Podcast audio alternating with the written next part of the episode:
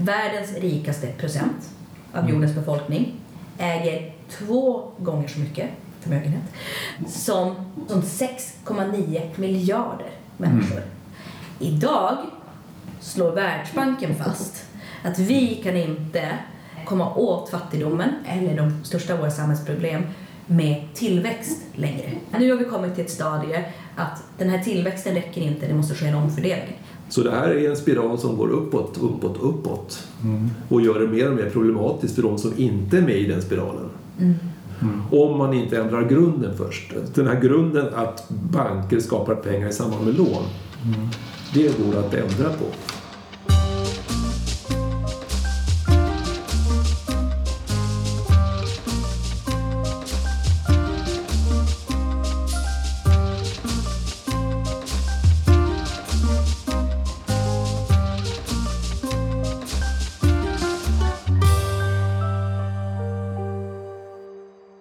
Det är sista dagen på året 2021, den 31 december.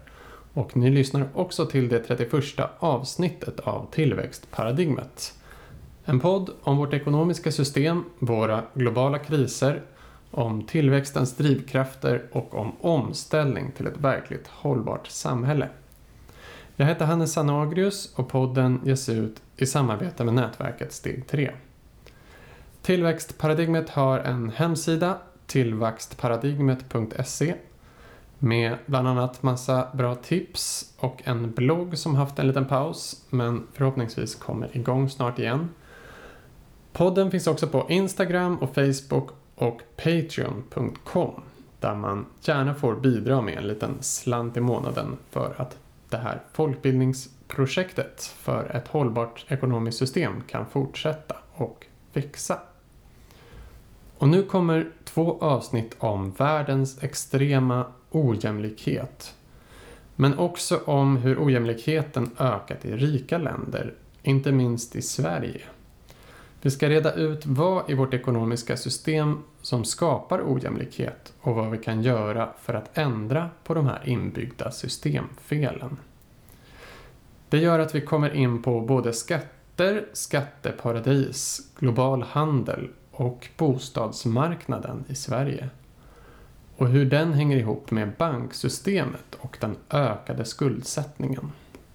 Till min hjälp har jag gästerna Hanna Nelson, policychef på Oxfam Sverige och Lars Alläus, medgrundare av organisationen Positiva Pengar i Sverige och väldigt insatt i bank och penningsystemet.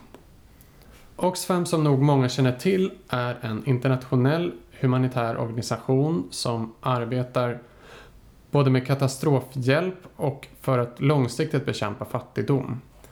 Man arbetar även för att förändra politiken och det som man kanske är mest känd för i Sverige är att man kommit med rapporter för att visa på hur ojämlikt fördelade världens tillgångar är och komma med lösningsförslag på utjämnande politik. På senare tid har man också kommit med rapporter om klimatet och hur skevt utsläppen är fördelade. Det kommer vi inte hinna prata om så mycket i det här avsnittet. Istället kan jag rekommendera avsnitt 6 med Kevin Anderson där vi pratar mycket om klimatorättvisa. Hanna Nelson jobbar främst med att föra dialog med politiken och bedriva opinionsarbete. Hon har tidigare arbetat för regering och i civilsamhälle och har stort kunnande i och arbetat med mänskliga rättigheter, skattepolitik och bistånd. Lars Alläus var som sagt en av de som startade upp Positiva Pengar i Sverige. En organisation som gästat podden tidigare. De här två avsnitten om hur pengar skapas. För en mer grundlig förståelse av hur det systemet fungerar och kan reformeras så rekommenderar jag de avsnitten. Alltså avsnitt 15 och 16. Lars är i grunden civilingenjör i teknisk fysik men har gått på djupet i finans, penning och banksystemet. Och han har hjälpt mig att förstå hur systemet fungerar och hur det kan göras mer hållbart. Det blev ett långt samtal, inte helt ovanligt i den här podden. Så den delen där vi pratar om lösningar blir nästa avsnitt. Vilket kommer bli kortare än det här då. Men jag släpper båda avsnitten samtidigt så det är bara att plöja allt på en gång om man vill det. Men jag tänkte inte säga så mycket mer i det här introt. Bara en kort kommentar om att fler analyser gjorts nu om den amerikanska ekonomin under 2021 om att fattigdomen minskat och låginkomsttagare har på vissa sätt fått det bättre ställt trots pandemin. Främst genom Biden-administrationens stärkta bidrag och trygghetsnät som fler nu fått tillgång till. Något också av löneökningar men det har också tagits ut av inflationen. Men så också av stimuluscheckarna. Alltså en slags helikopterpengar direkt till medborgarna som Trump-styret började dela ut och eh, sen Biden-administrationen fortsatte med i flera omgångar. Och som tillsammans kostat flera hundra miljarder dollar men som såklart varit mest värdefulla för låginkomsttagare även om det är väldigt tillfälligt. Då. Så sammantaget är det en tillväxtbaserad expansiv finanspolitik finansierad mestadels genom statlig upplåning. Eftersom oppositionen i USA också är tillväxtkramare är deras kritik rätt spretig och eh, ofta felaktig. Att ekonomin visst går trögt och att inkomster inte förbättras fast de verkar göra det. En anledning till att delvis felaktiga nyheter kan spridas i konservativ media och alternativ media om hur ekonomin går trögt är att inflation och eh, höga kostnader äter upp mycket av inkomstökningar. Inte minst bensinpriser för personer i glesbygd. Därför känner kanske många ändå att det går åt fel håll. Samtidigt som de matas med negativ information i sina kanaler. Vi har tidigare pratat om Kate Raworths munkmodell. Att en eh, hållbar ekonomi måste se till att vi håller oss inom de ekologiska, planetära gränserna men också ovanför de sociala, mänskliga gränserna. Alltså att allas grundläggande behov är tillfredsställda. Man kan då prata om ett golv och ett tak. Det som är innanför själva munken i modellen är alltså mellan golvet och taket. Och även om såklart innehållet i ekonomin eh, däremellan är helt avgörande. I USA har man alltså höjt golvet på flera sätt. Men man gör det inte genom att sänka taket. Alltså inte genom att ta från en annan del av ekonomin. Till exempel den ekonomiska eliten som sett sitt välstånd skjuta i höjden väldigt länge. Eller genom att begränsa den mest ohållbara konsumtionen.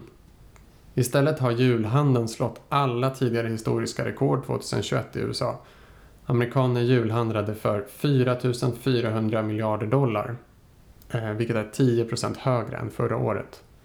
Så någon får gärna räkna ut hur många fattiga människor i världen man kunde ge stimuluscheckar hela 2022 för de pengarna.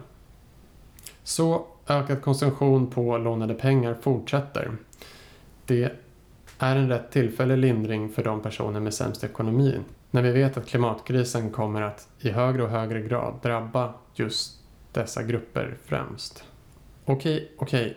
Här kommer i alla fall första delen av samtalet med Hanna och Lars. Ja, men, eh, välkomna till podden, Hanna och Lars. Tack. Tackar. Eh, det konstateras ju ofta sådär någon gång per år att liksom, ojämlikheten är väldigt stor i världen och att den ökar. Ja, men det pratas inte så ofta om vad det beror på. Och eh, det finns ju också väldigt mycket statistik och forskning som visar att folk mår generellt sämre i ojämlika samhällen på massa sociala parametrar och att tilliten eh, och förmågan att lösa samhällsproblem minskar. Men ändå så är det inte kanske så ofta ett prioriterat mål för många politiska partier att man ska minska ojämlikheten. Eh, det presenteras kanske olika förslag och skatter och skatteförslag och så, ofta från vänsterkanten, eh, som ska öka jämlikheten. Men eh, man pratar inte så mycket om de här underliggande mekanismerna som gör att ojämlikheten ökar. För att det, alltså att det blir mer och mer ojämlikt, för det blir ju, eh, även om man kan titta på olika sätt så skillnaden mellan länder i så medelinkomst i olika länder har minskat något. eh, mycket tack vare att levnadsstandarden i Kina har ökat. Men det här har väl också ändrats lite av pandemin. Sen eh, så har ju ojämlikheten inom länder, i nästan alla rika länder, ökat. Och det ska du berätta lite mer om, Anna. Men eh, ofta när ojämlikhet uppmärksammas i media så är det kanske, om det inte är en FN-rapport så är det ofta en Oxfam-rapport. Och därför är det roligt att du är här, tänker jag. Vill du berätta lite vad du gör på Oxfam nu och vad organisationen syftar till? Ja, alltså Oxfam är ju en global rörelse som finns över hela världen och som jobbar för att bekämpa fattigdom och ojämlikhet. Eh, Anledningen att de två kamperna går ihop det är att vi för länge sedan har dragit slutsatsen att om inte ojämlikheten minskar så kan vi heller inte eh, lösa fattigdomen. Mm. Eh, I Sverige så är vi en ganska ny organisation. Det är fortfarande sådär att man får förklara vad Oxfam gör när man Mm. träffar folk. Eh, Medan runt om i världen så är det oftast den organisation som man känner till. Eh, så att det finns ett ganska starkt varumärke i Oxfam. Jag Mm. brukar säga att jag som då i min roll som policy, policychef så jobbar ju jag med att föra vår dialog med folkvalda, helt enkelt. Mm. Riksdag, regering, även folk på EU-nivå och att ta fram våra positioner. Och i det jobbet är det ganska lätt, där känner man till Oxfam. Då säger man så när Oxfam släpper en rapport, då plockar man upp den. Och så. Eh, men eh, inte lika mycket i debatten här. Men det som har hörts mycket av oss de senaste åren, det är ju som du säger frågan om, om ojämlikhet. Den är ju ehm, så medialt eh, lätt där. Även om det kanske inte alltid är det som vi vill ska komma lyftas som lyfts. Men det blir så extremt när man kan säga att världens 22 rikaste människor äger mer än alla Afrikas kvinnor. Det är liksom det är kontraster eh, som, som känns och det är ju ett sätt för oss att få ut budskapet. Så eh, det som vi gör här i Sverige det är ju att, att driva den debatten och se till att titta på vad, vilka politiska lösningar behöver till för att Sverige ska kunna bidra till att bekämpa fattigdomen, framför allt i länder med utbredd fattigdom. Men debatten behöver ju föras här. Det är liksom en del av ojämlikhet här, fattigdom här, är en del av samma systemfel Mm. eh, som det är på andra platser på jorden. Så det är Mm. ändå samma resonemang. Så. Mm. Eh, så, för, så för våran del, hela tanken är att när vi pratar ojämlikhet så brukar jag alltid börja med att säga att vi, när man tittar på den ekonomiska modellen som finns så är den uppbyggd så att i nästan alla områden så är det några få som Mm. får jättemycket och kan behålla det. Eh, ett gäng i mitten som har det hyfsat Mm. men sen en stor eh, massa människor som, som inte kommer systemet till del alls. Eh, så det är liksom det vi vill reda ut Mm, på, mm. på olika sätt. Just så det. extrem fattigdom skulle aldrig kunna finnas om inte extrem rikedom finns. Så kan man säga. Det är liksom två sidor av samma. Det är en bra poäng som ofta inte kommer fram, tycker jag. Och det är därför vi bryr oss om det. Jag brukar säga så här, jag har Mm. ingenting emot om egentligen om någon Mm. har jättemycket pengar som Mm. person. Personerna är Nej. ointressanta utan det är vad innebär det Mm. för dem? Om vi inte omfördelar från toppen så Mm. kommer vi aldrig kunna komma åt den här lösningen på botten. Och sen har man ju kanske ofta ett ganska stort ekologiskt fotavtryck om man konsumerar mycket, men det kommer vi också in på. Det kommer absolut. Eh, Men eh, Lars, vi har ju, du och jag har pratat en del om banker och penningsystem och så. Mm. Eh, Vill du berätta lite vad du gör nu och hur du kom att grotta ner dig så mycket i det här? Sedan eh, några år tillbaka. Och jag har då eh, varit 38 år och jobbat som utvecklingsingenjör på Ericsson. Mm. Utvecklat telekomsystemen. Ett genuint god, god sak för mänskligheten hoppas jag. Eh, Men då för en 7-8 år sedan då så var det en kusin då som ledde in mig på det här. Jag insåg att vad pengar var för någonting. Jag hade alltid varit intresserad av pengar egentligen. Det är ett betalningsmedel och sådär men inte tänkt så mycket på det. Men han visade på att pengar det är ju egentligen någonting som banker skapar när de ger lån. Mm. Först stod jag inte på det riktigt men sen så stod jag, det är faktiskt så, det, det är sant, det stämmer. Och det säger Riksbanken också då, om, sedan lång tid tillbaka, så att så är det. Mm. Men vilka följder det får, det var det som han ledde in mig på och med hjälp av eh, Positive Money, en organisation i England som startade 2008, eh, så har de eh, benat ut konsekvenserna av det då. Och ja, så då var jag med och grundade organisationen Positiva pengar då för en, eh, ja, fem år sedan. Mm. Ja, sex, sju år sedan kanske det var. Mm. Eh, Och den jobbar då för att visa på detta problem, vad det blir för problem med att banker skapar pengar i samband med lån. Mm. Skapar alla våra pengar faktiskt. Och det är en sak som kopplar till det som Hanna har berättat om det här med ojämlikhet. Och det är det vi ska bena ut nu. En av konsekvenserna är ju då att det skapas en nästan automatisk slags ojämlikhet. Ja, och en, och en expansion som vi nu för tiden är väldigt säkra på att det, det går inte, det håller inte att fortsätta så mycket längre. Mm. Det har redan gått alldeles för långt för jordens resurser går ju också Ja. åt då. Och det har vi pratat en hel del om i podden. Jag kan tro det. Ja. Ehm, men om vi börjar med dig Hanna.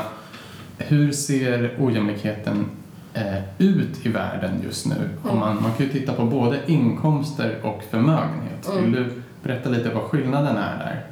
Eh, och Jag hur det här liksom har utvecklats över tid? Ja, jag tänker att ehm, det, det som är viktigt att tänka på där, det är att när man, om, för att komma åt den riktiga bilden av hur ojämlikt det verkligen är, så måste man kolla på förmögenhet. Därför det är eh, de stora pengarna är inte i inkomsten, det är inte i lönekuvertet som folk får, utan det är det som har ackumulerats över tid, ärvd rikedom och annat, och som oftast också inte är synligt. Mm. Sånt som, som idag av olika anledningar an, omges av ganska stort hemlighetsmakeri. Man behöver Mm. sällan eh, redovisa sin förmögenhet men däremot så, så kan vem som helst gå in, i alla fall i, i Sverige idag och titta på hur mycket tjänar Hanna då på se i inkomst. Så för att få den hela bilden och, och eh, och så småningom även lösningarna så måste vi titta på förmögenhet. Sen är det enkelt egentligen för de allra fattigaste eh, de har inga förmögenheter. Eh, så det är också en väldigt liten eh, andel av jordens befolkning som, som faktiskt har något annat än det här eh, lönekuvertet. Så eh, det, jag tänker att bara, bara för att förstå det. Sen Mm. brukar vi... Eh, För det är som en, lite av en kritik som kommer ibland. Liksom, hur, varför tittar ni just på förmögenhet? mm, Eh, eftersom man kanske, många tänker jag, relaterar mer till inkomst, alltså en lön till exempel, mm. eh, som man får varje månad.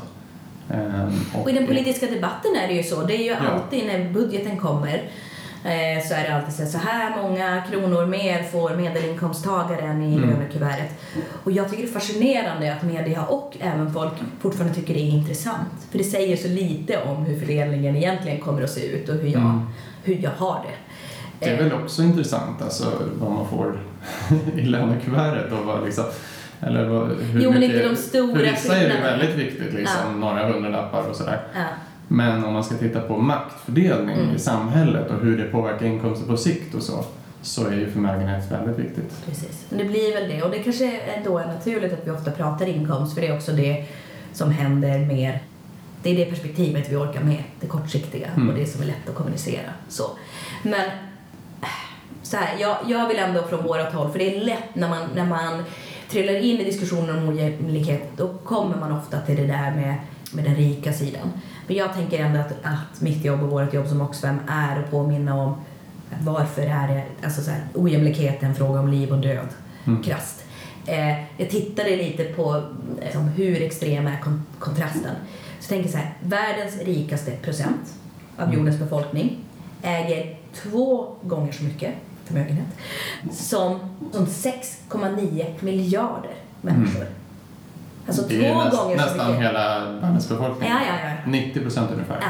Mm. Så, och, och det är så här, är det rätt eller fel? Ja, det låter i alla fall som en väldig massa pengar Mm. som borde kanske komma de där andra nästan 7 miljarderna till del. Mm. Så siffror är också viktiga. Och då är det också så här, från det fattiga perspektivet, så här, vi har fortfarande halva mänskligheten som lever under 50 kronor om dagen. Och det är egentligen där problemet är. Du kan inte leva ett gott liv på Nej. 50 kronor eh, om dagen. Och hur får man då, och för att de här som lever på 50 kronor om dagen, eh, nu har vi kommit till ett stadie där till och med Världsbanken, den spolar tillbaka 10 år, Mm. då pratade Oxfam ojämlikhet och så kallar man Oxfam så här, ja men de är så extrema, de är radikala och Mm. ojämlikhet är minsann en vänsterfråga. Idag slår Världsbanken fast Att vi kan inte eh, komma åt fattigdomen eller de största av våra samhällsproblem med tillväxt längre. Vi har växt och växt och växt och, BNP har vuxit och, det, Mm. och, till, och då har det skett en viss eh, ökning i vissa länder som du var inne på. Men nu har vi kommit till ett stadie att den här tillväxten räcker inte, det måste ske en omfördelning. Och när Världsbanken säger det, då är det så. Då är det inte, då är det inte, då är det, fa- liksom, det är fakta nu, det är inte en åsikt, det är inte höger, vänster, mitten, upp eller ner. Utan De har ju kända för kanske vara lite mer konservativa. Ja, så- och, ja, och siffror. Det är, liksom, det är inte ens några Ja, känslor i det, nej. utan de bara slår fast att så är det. Och där kan man ju också nämna att eh, den, nästan all tillväxt i världen kommer ju också de rikaste till del. Så Mm. man kan ju prata om olika sorters tillväxt, liksom, vilka som behöver, några kanske behöver tillväxt. Mm. Men det är en bra poäng att det är egentligen det är ett väldigt trubbigt verktyg om man ska just minska fattigdomen. Mm. Ja. Vi har ju en ekonom, alltså, ekonomin har ju ökat. Fattigdomen har ju fram till covid kom, skulle vi väl ändå Mm. säga om man ska vara optimistisk, så har ju den extrema fattigdomen också minskat. Mm. Eh, men det är så skört. Som andel fall. Eh, Mm. Precis. Som andel. Eh, och sen har det sett o, liksom, olika ut beroende, alltså vissa länder har eller regioner har den inte Mm. minskat alls. Men sen kom covid, som ändå är en ganska liten kris skulle jag vilja säga. Nu behöver jag inte stämma mig för det om vi jämför med vad som kommer hända med klimatkrisen. Det som Mm. hände med ett och ett halvt år av covid var att enligt våra och andras analyser så är så, så har liksom tio års fattigdomsbekämpning sådär utraderats. Därför de som drabbades, liksom, de som tappade jobben först, de som inte kom åt sjukvården, de som inte kom åt det, Mm. det var de här som kanske precis hade tagit sig upp på den här Mm. gränsen och kunnat leva. De är liksom tillbaka, djupt nere nu igen. Och sen medan å andra sidan tittar vi på så att de här allra rikaste, de drabbades ju också, det var också synd eh, om dem i covid. Mm. De tappade till en början ganska mycket affärsmöjligheter, ganska mycket pengar. Mm. Men enligt vår senaste rapport då, som tittar på ojämlikhet så tog det nio månader in i krisen Ja. så hade de här miljardärerna faktiskt återhämtat sig. Ja, Så börsen är ju högre nu än vad den var. Ja. Mycket högre. Ja, men vi tror att det kommer ta minst tio år för de här som har halkat Ja. ner i fattigdom igen att ta sig upp. Och då är vi bara tillbaka på status. Mm. Alltså då har vi inte ens kämpat. Så det är det där liksom skörheten i hur lätt det är. Eh, det verkar vara ganska lätt att hänga kvar på toppen men det är också liksom, Mm. är jättesvårt att ta sig upp. Det är ett jättesårbart system visar det ju. Otroligt sårbart. Jag tog ut några andra extrema siffror där från Ja. era rapporter. Ja. Att, eh, det har ju sett ser lite olika ut varje år men att världens dollarmiljardärer, alltså ungefär 2150 styckna, Mm.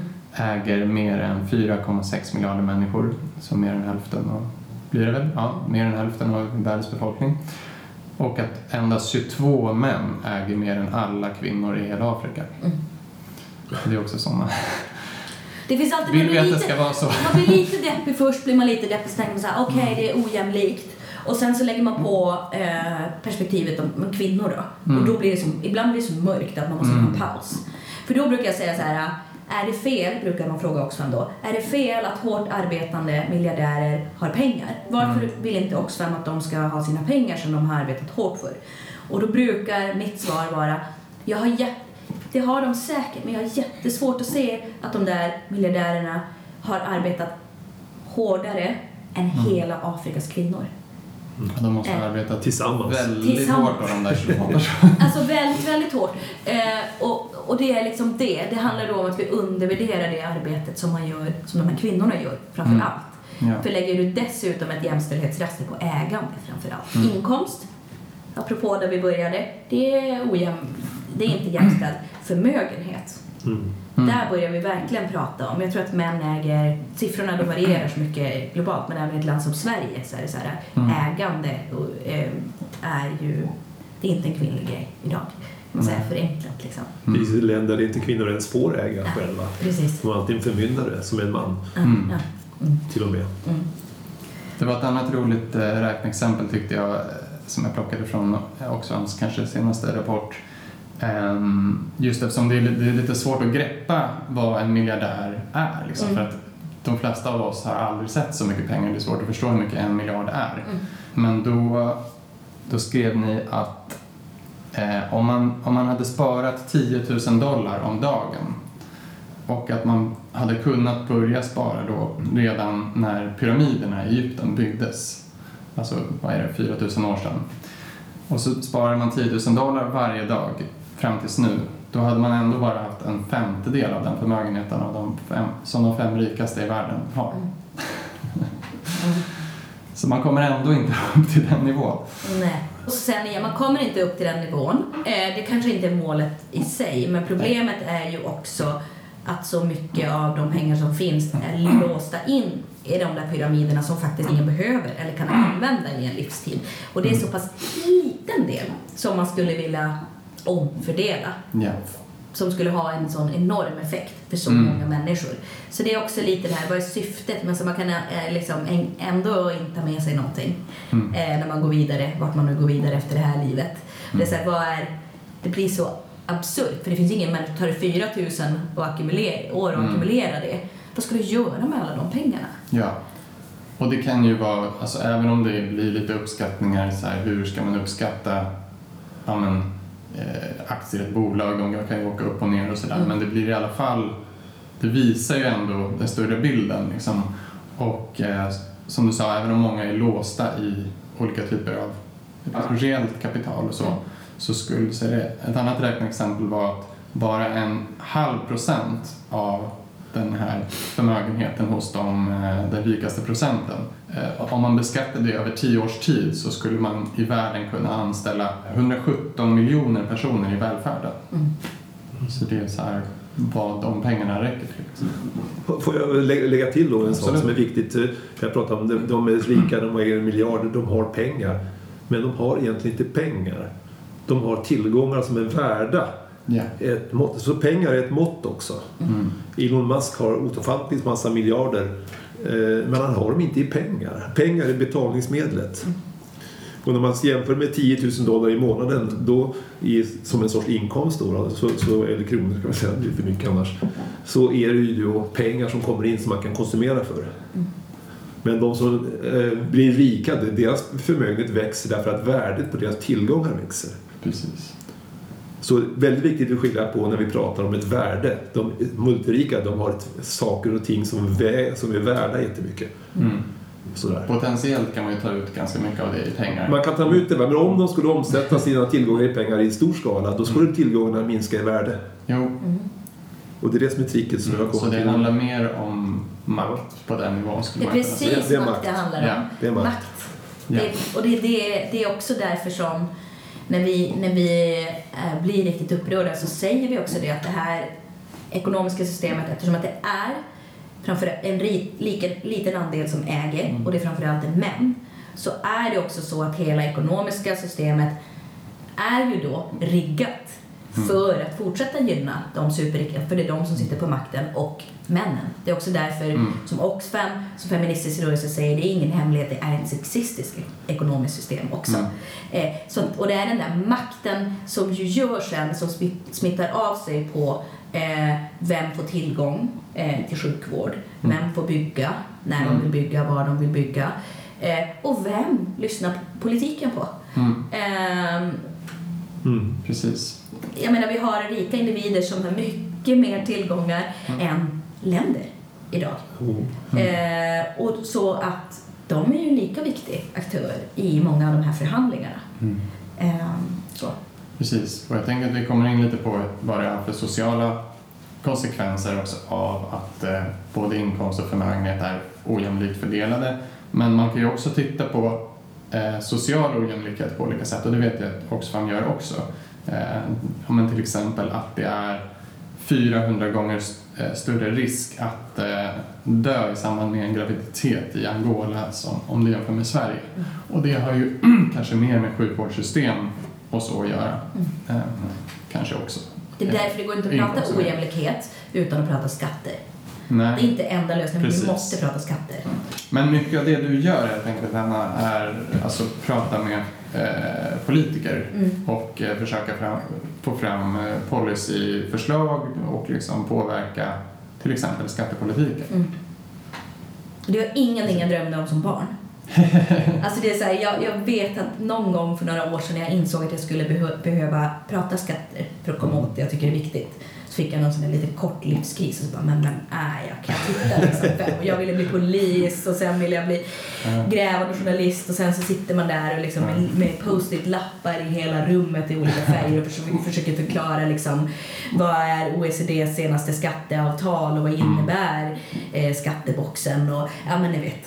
Eh, och det där är ju en sak i sig, för skatt om man, om man i alla fall pratar med människor i min ålder så är det ingen som tycker att skatt är kul att prata om. Och alla säger så här, men det där förstår inte jag. Nej. Varför är det så? Mm. Varför, eh, när det är liksom kanske det viktigaste, man ska inte, Mm. man ska inte säga så, Mm. men nu säger jag så, eh, verktyget för att komma åt många av de utmaningar, klimat, Ja. klimatutmaningen, tillgång till sjukvård, Mm. vaccinfrågan nu. Så här, vi måste prata skatt. Mm. Varför har det gjorts så otillgängligt? Är det eh, för att de som har väldigt bra koll på skattesystemet gynnas av att den breda massan inte har det? Ja. Mm. Jag vet inte. Nej, men det var ju en anledning till att jag startade podden också, att jag tycker att det ofta är så att man överlåter diskussion om ekonomi till ekonomer. Så Mm. nej, men det är de som kan, jag kan inte det här tillräckligt bra. Men vi måste ju alla prata om det här, så det är ju väldigt bra att du eh, började grotta i skatter då. Och, och, jag, och jag tycker det är skatter, eh, det är otroligt viktigt och det är, jag håller faktiskt med Mona Sahlin sa att det är coolt att betala skatt. Men det beror ju på att vi är ett samhälle. Vi är Sverige, vi, vi har en gemenskap. Och vi har gjort att vissa saker vill vi ska skötas gemensamt som, som sjukvård och skola och äldrevård och allt vad det är. Och det, det, det måste ju betalas. Mm. Det är det som är skatterna. Så det kan man säga är en sorts avgift. Vår medlemsavgift är att vara med i, medlem, i föreningen Sverige. Så kan man säga. Man kan också, när vi tittar då på länder med utbredd fattigdom, nu har jag inte exakt siffrorna, men eh, alltså inkomstskatten där är ju otroligt mycket lägre procentuellt i länder med utbredd fattigdom än vad det är eh, i rika länder. Eh, och sen är det så liten andel av befolkningen ofta som, som betalar skatt därför att den största ekonomin är den här liksom, eh, icke-formella Mm. sektorn som inte beskattas på ett Mm. sådant sätt. Eh, så det gör ju också att man sitter ju fast i att har man inte byggt upp ett system där folk har anställningar, där folk betalar en inkomstskatt, eh, skatt, då har du ju heller inget som Nej. går in för att bygga den där välfärden. Jag vill egentligen också säga som en... Och då blir man mer beroende av utländskt kapital också. Ja, och av företagsskatt. Därför då är det det enda där du verkligen kan få. Du har så mycket, så mycket företag som skulle kunna betala skatt. Och i och med att det ser ut så då på inkomstsidan, framförallt kvinnor jobbar o, liksom obetalt i den informella eh, sektorn och inte skattar, så, så, så är man väldigt, väldigt beroende av företagsskatt. Och det är därför det är så hårt då när utländska bolag kommer in och hittar sätt att trixa Ja. så de använder de där resurserna, naturtillgångarna och annat, anställer folk och ändå lyckas smita ut med skatten. Ja. vad har man kvar då? Hur skulle vi kunna bygga upp den här välfärden, precis som du säger, om vi inte hade fungerande skattesystem? Mm. Och det där eh, med eh, skatteplanering, skatteflykt och så tänker jag också kommer in på. Men om vi liksom ska dela upp det här med orsaken till ojämlikheten och utvecklingen i ojämlikhet. Eh, vi, hur stor roll spelar själva liksom skattepolitiken skulle du säga? Eh, om man tittar på så här, eh, ja, framförallt kanske nationsnivå men det har ju det är också ett samspel mellan nationer och EU och så vidare. Mm. Ja, i och med att det är ganska få, jag menar vi har ju också, eh, det är ganska få resurser som kan användas till att bygga upp välfärden, alltså som kan komma alla till del Det är inte så många sätt som man kan få in pengar som sen kan eh, här omärkt gå till välfärden. Så blir ju skattesystemet ett skatter ett av de sätten. Också som stater sen kan fördela. Du har också Mm. privat kapital som är väldigt viktigt. Men där har du alltid en, ett, en vill, liksom, ett intresse bakom. Även om det intresset kan vara Mm. väldigt bra i, i andra sammanhang så finns det inte det här neutrala så. Så skatten blir därför ett väldigt, ett väldigt vä- viktigt verktyg för vi har inte så många andra.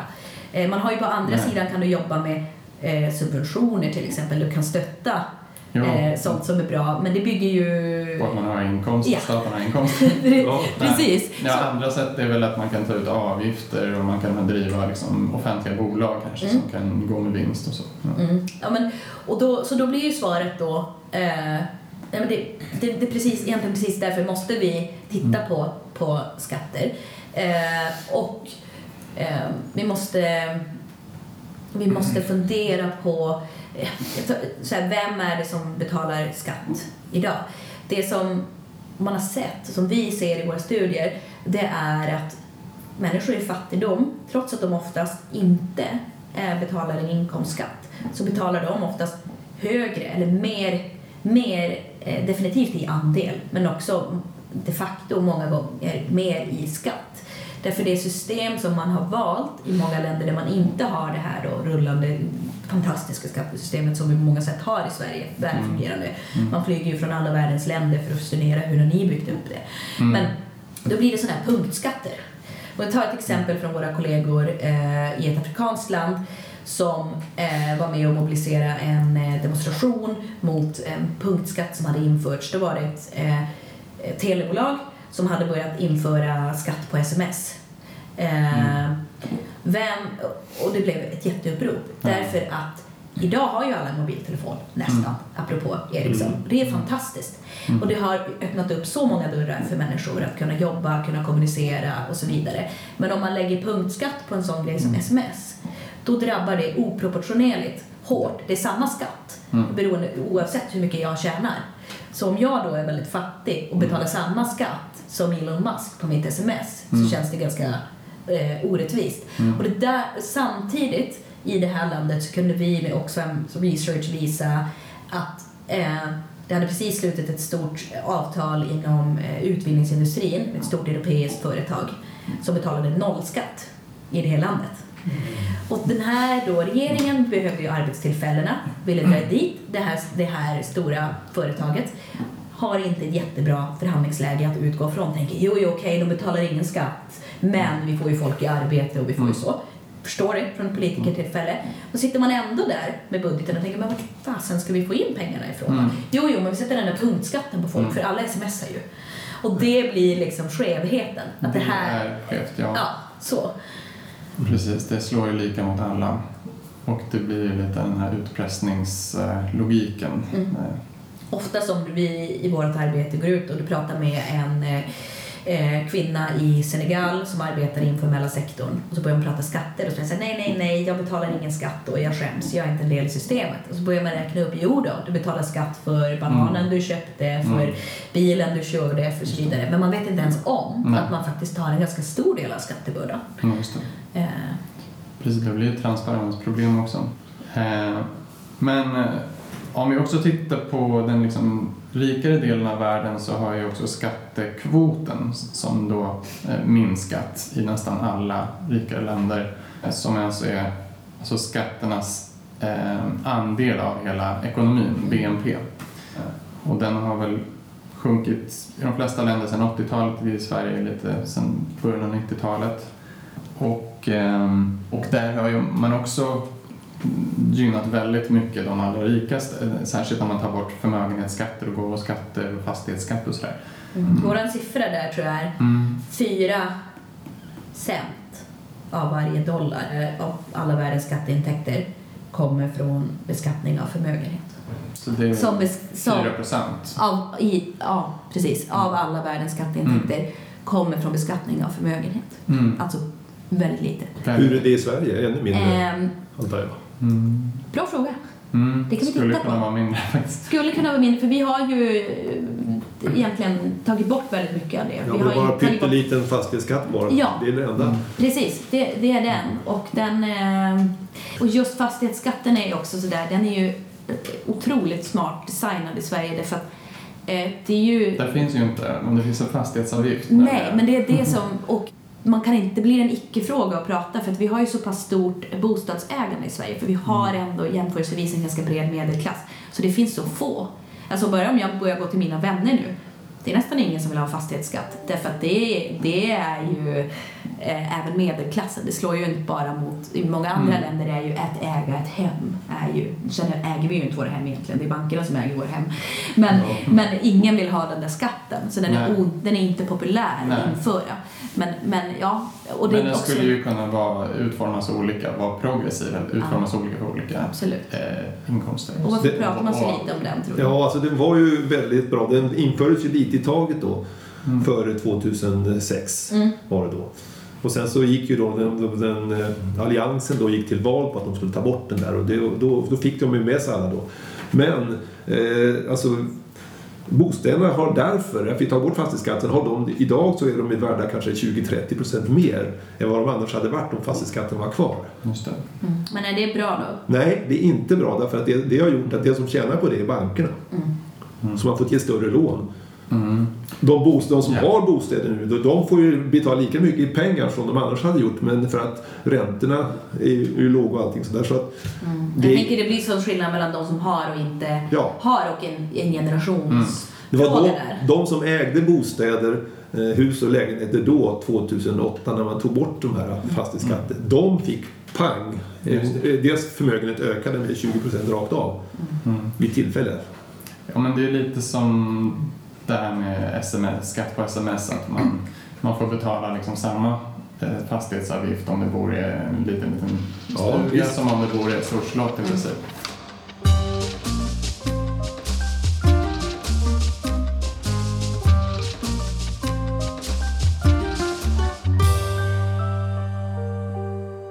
Eh, Men eh, det här, om man knyter an till det här med tillväxt så kan man ju visa då, ja men skatteintäkter ökar ju varje år när vi har tillväxt. Och eh, då borde vi ju ha hela tiden mer och mer till offentlig sektor, till välfärden. Men i och med att eh, eh, kostnader ökar ju också med tillväxten och löner ökar och vi ska ju också ha en löneökning i offentlig sektor så då kostar ju den mer och mer. Och där behövs det ju nästan en fördelning Mm. för att det ska, man ska kunna satsa mer på offentliga tjänster. Och eh, jag såg att eh, tankesmedjan Katalys räknade ut att om vi skulle haft samma skattekvot som vi hade år 2000 då skulle vi haft 300 miljarder mer varje år att kunna satsa på offentliga tjänster som välfärd.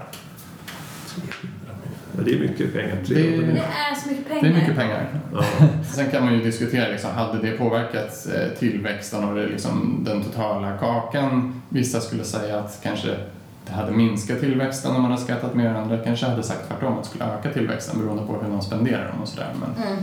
ja, Ja, men i, nästan alla är väl överens om att välfärden hade mått rätt bra av de där cashen.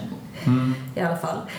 Eh, och det, jag läste precis en analys som sa att alla partier som kommer ut och säger att de ska satsa så eller så mycket på välfärden, det har egentligen inte gjorts några satsningar Mm. eh, eh, de senaste var det, tio åren. Därför att Mm. allt, allt som är satsningar är egentligen bara för att behålla det på den nivå Ja. det har varit. det äts Eh. upp av löneökningar, inflation, ökade kostnader. Ja. Mm. Ja. Så den offentliga sektorns andel av ekonomin har ju minskat under väldigt lång tid. Mm. Även Och- om den hela ekonomin har växt. Precis, och då är ju det eh, som sagt ett ganska välriggat land som här, men trenden ser ju då likadan ut. Att man sänker, Mm. man sänker eh, skatterna på, på förmögenhet, man sänker skatterna, företagsskatterna har ju också Mm. minskat globalt. Eh, De minskar, eh, ja men många länder inför ju också så noll, nollbeskattning Mm. på bolag därför man, man behöver ha, man behöver ha Mm. jobben, man behöver arbetstillfällena och Mm. man vill vara det landet som, som står värd till ett bolag. Så att eh, det är ju liksom en global trend att de här eh, Mm. ja, man, man, man tävlar egentligen om, om att sänka skatterna för att bli så attraktivt Precis. som möjligt. Och hur stor påverkan har det på den ökade ojämlikheten skulle jag säga med det här ehm, som man ibland kallar race to the bottom eller det, eh, konkurrensen mellan stater eh, i att sänka skatter. Mm. Det där är en Eh. jättehet fråga nu. Jag vet inte om ni, om ni har hängt, hängt med i den, men det har pågått en, en ganska lång diskussion inom OECD där man har tittat på eh, kan man på något sätt bekämpa det här? Fler och fler länder använder nollbeskattning. Eh, och så började ett gäng rika länder inse att, eh, inom EU till exempel, att vänta nu. Amerikanska bolag gör ju så här också mot oss och så börjar man inse att ett antal rika länder förlorade också skatteintäkter från, eh, från att företag in- inte Mm. betalar skatt. Så tar man igång en process och tittar på kan vi enas om en global minimiföretagsbeskattning. Så att oavsett vart företag verkar så ska de betala en minimum av skatt. För då finns inte den här nollskatten. Eh, och då eh, måste alla företag någonstans betala skatt. Så man håller på med det i, i två år eh, ungefär. Och så, och så kom man fram till här nu inom OECD då att jo men okej, vi, vi enas om en 15-procentig eh, global minimumföretagsbeskattning. Är ett- ändå ett väldigt stort framsteg. Det är fantastiskt stort. Det är det. Samtidigt som ehm, det är på så pass låg nivå Mm. eh, att för att det, eh, för att det, mm, liksom, de analyser som hade behövts för att man skulle kunna komma åt det, alltså för att det så skulle det ha behövt vara kring 20-30 procent. Mm. Så den är fortfarande så låg och nu ser vi det som har hänt är att motsats till vi. Vi gick in i de här förhandlingarna i början och tänkte det här är ju skitbra. Det här är ju världens chans. Men det som händer redan nu då, det är att många länder som har en högre bolagsbeskattning än 15 procent, Mm. eh, de Sänker säger nu, då sänker de. Som Sverige har Ja. 20 va? Nu. Mm. Då säger man, men varför ska vi då ha 20? Då kommer vi förlora till de här som har 15. Nu har man sagt att det är 15.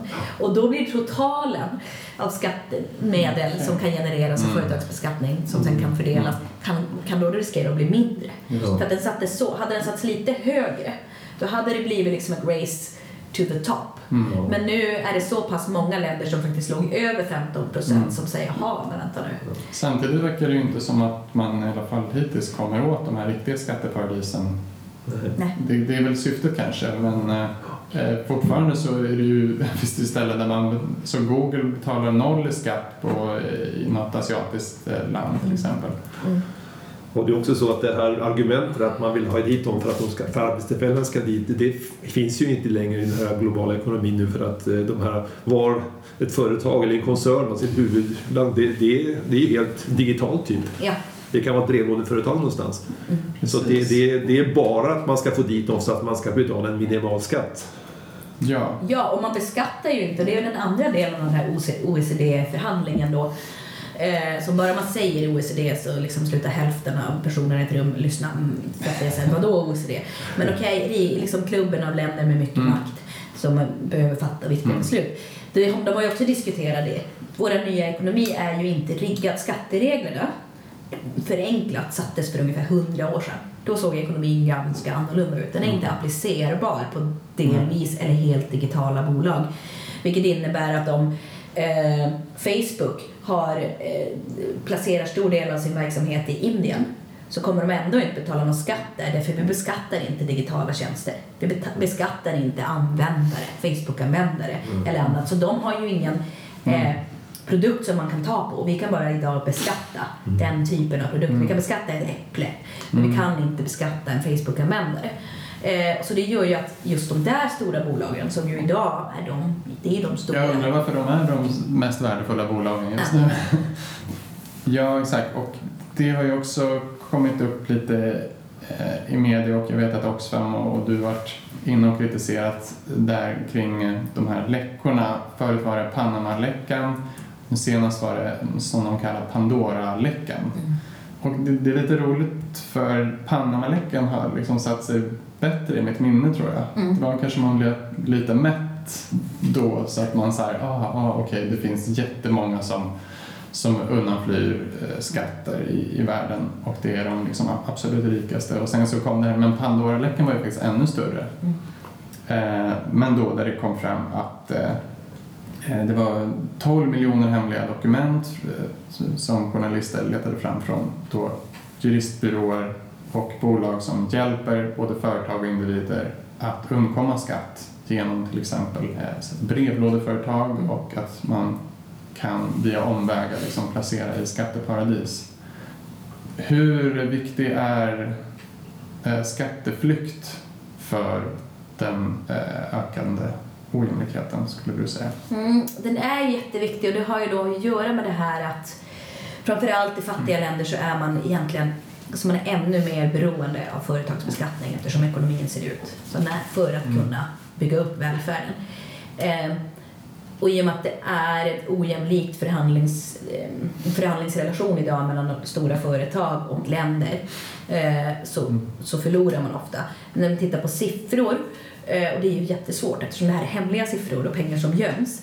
Eh, men Uppskattningen är då att det är 100 miljarder amerikanska dollar årligen som utvecklingsländer, alltså länder med utbredd fattigdom, Mm. förlorar till följd av ska, företags skatteflykt. Alltså att de inte betalar Mm. skatten där de... Utan att Återigen ogreppbara siffror här. Ja, det 100 går inte att greppa.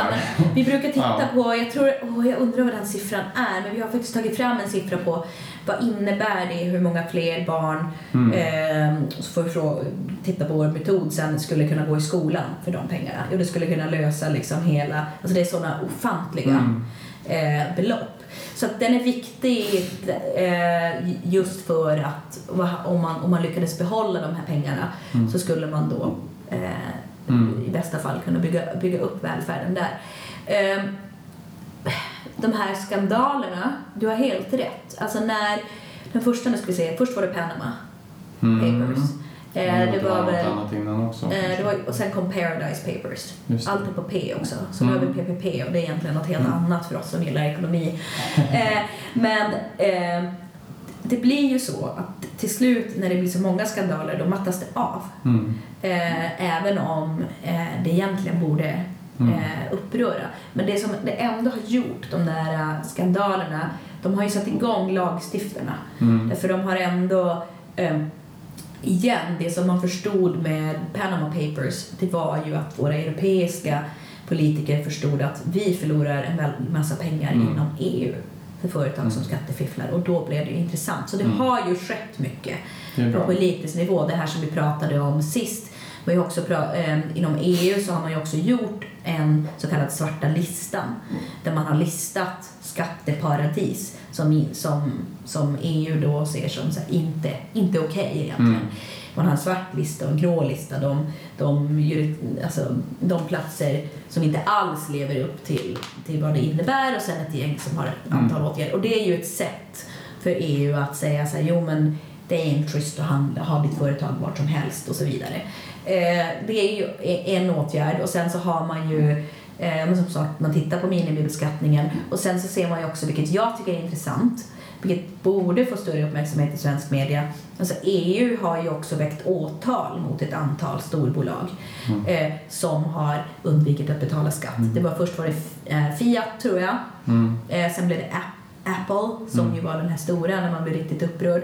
Och det pågår ett fyra år långt rättsfall mot IKEA faktiskt. Eh, det jag läste i det där- Ja. Ja, nej, men ofta, ja, när de kommer de där stora skandalerna så Mm. en anledning tror jag att man blir lite, känner sig lite maktlös och så här, ja ja, är väl mycket att det blir inte så mycket så här påföljder och det visar sig att många av de här eh, uppläggen är, verkar vara lagliga eller liksom, Mm. de kan ändå fortgå. Mm. Men det skulle ju sända en, en tydligare signal om man faktiskt lyckas fälla både individer och företag. Och där, det, det, det är återigen, vi brukar säga så här, allt som är lagligt är inte moraliskt rätt och riktigt. Men det är ändå så eh, eh, att det är ju därför, det är därför jag gör det jag gör, därför att det är politiken som måste in och, Mm. och eh, eh, som förvisso hela tiden kämpar i uppförsbacke för det är klurigt. Det är så Ja. mycket, men som måste lagstifta. Så vi gjorde en granskning förra året. För var, om, man, om man lyssnar på svenska politiker, lyssnar på Magdalena Andersson till exempel, eh, så, så säger ju hon i alla utspel, man gick till och med till EU-val på att säga vi ska stoppa skatteflykten. Mm. För vi behöver mer pengar till välfärden. Mm. Låter jättebra. Och vi tittar på alla svenska eh, partier, ja men alla är för att stoppa skatteflykten. Det är ingen som vill ha skatteflykt. Och så, och så tittar man då på socialdemokratin som nu då har regeringsställning. Vad har de gjort de senaste fyra åren? Det finns de här initiativen då som vi har pratat om. Nej, den som vi var inne på, digital beskattning av sådana företag, där bromsar Sverige. Eh, tydligen så finns det företag som Spotify och annat som ligger på statsministern och säger det här är ingen bra idé. Vi har, vi har starka företagsintressen i vissa fall. Så har vi en annan otroligt viktig fråga som igen, det är så tekniskt så jag förstår att folk inte liksom går ut på gatorna Men, men där också, där ville man väl göra det mer transparent också i EU men att Sverige bromsade. Precis. Bromsat gång på gång på gång på gång. Och nu har man bromsat så Där länge. satt ju också Magdalena Andersson på... Jag satt en diskussion med Magdalena Andersson, eh, det, vad var det, radio, var det Ekot vi var? Eh, Jytte Guteland som ju då är Europaparlamentariker för Socialdemokraterna och jag, där Jytte Guteland faktiskt höll med Oxfam och sa så här, men Sveriges position i den här frågan Just det, är jag tror jag hörde det i klippet när faktiskt två socialdemokrater här helt emot varandra. Ja, därför att det finns ingen socialdemokratisk position för att göra så här. Det går inte att förstå varför Nej. man gör så om man läser vart står partiet. Och det är Mm. det som Jytte Guteland representerade. Men det finns ju något annat som händer. Det finns något Mm. annat som gör... För varför i hela friden ska en svensk regering inte vilja ha mer transparens i vart företag betalar skatt? Nej, För vi är inget lågskatteland. nej. I alla fall officiellt. Eh, så det Ja, skulle det var väl någon slags argument om att det där ska skötas på nationsnivå och sådär. Mm. Ja, Men det går ju inte att sköta på nationsnivå för Nej. det är ju en global ekonomi. precis. Det var ju kanske hundra år sedan då. Och Ja. då gick det knappt heller. Det, det är lite det som, som rimmar. Ja.